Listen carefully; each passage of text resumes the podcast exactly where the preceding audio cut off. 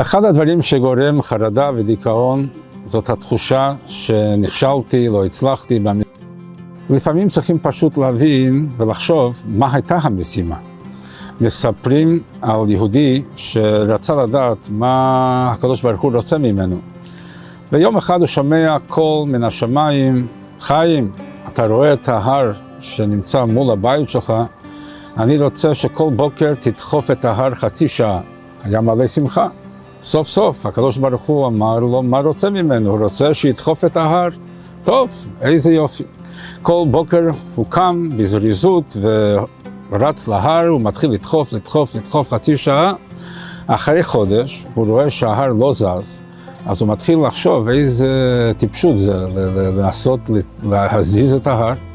אז הוא אומר, הקדוש ברוך הוא, מה אתה רוצה ממני? אתה ביקשת ממני לעשות משהו שאי אפשר להצליח בו.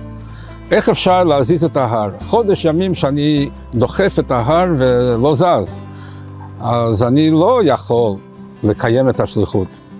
הקדוש ברוך הוא עונה לו, מי אמר לך ש... שהמטרה הייתה להזיז את ההר?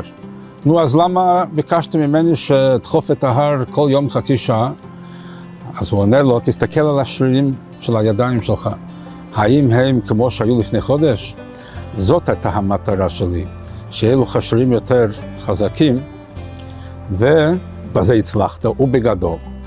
אז אנחנו בפרשת השבוע קוראים איך שיהודים בנו את המשכן.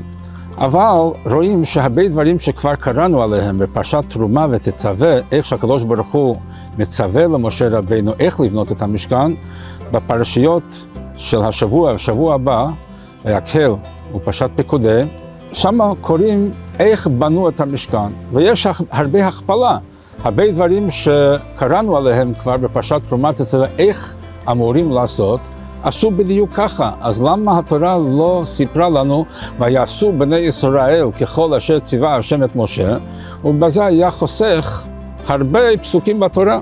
למה לחזור לכל דבר בפרטיות? אז יש פה הוראה מאוד חשובה, וזאת שישנן אומנם שני משכנות. יש המשכן כמו שהקדוש ברוך הוא ציווה, ויש את המשכן כמו שהיהודים בנו. המשכן כמו שהקדוש ברוך הוא אה, ציווה, זה משכן מצוין, מדויק, אין בו שום דופי, אין לו שום חיסרון. המשכן שהיהודים בנו, זה לא כל כך אה, מדויק כמו שהקדוש ברוך הוא היה בונה. הרי בן אדם, יש לו הגבלות, וזה לא אותו דבר כמו שהקדוש ברוך הוא היה עושה לבד.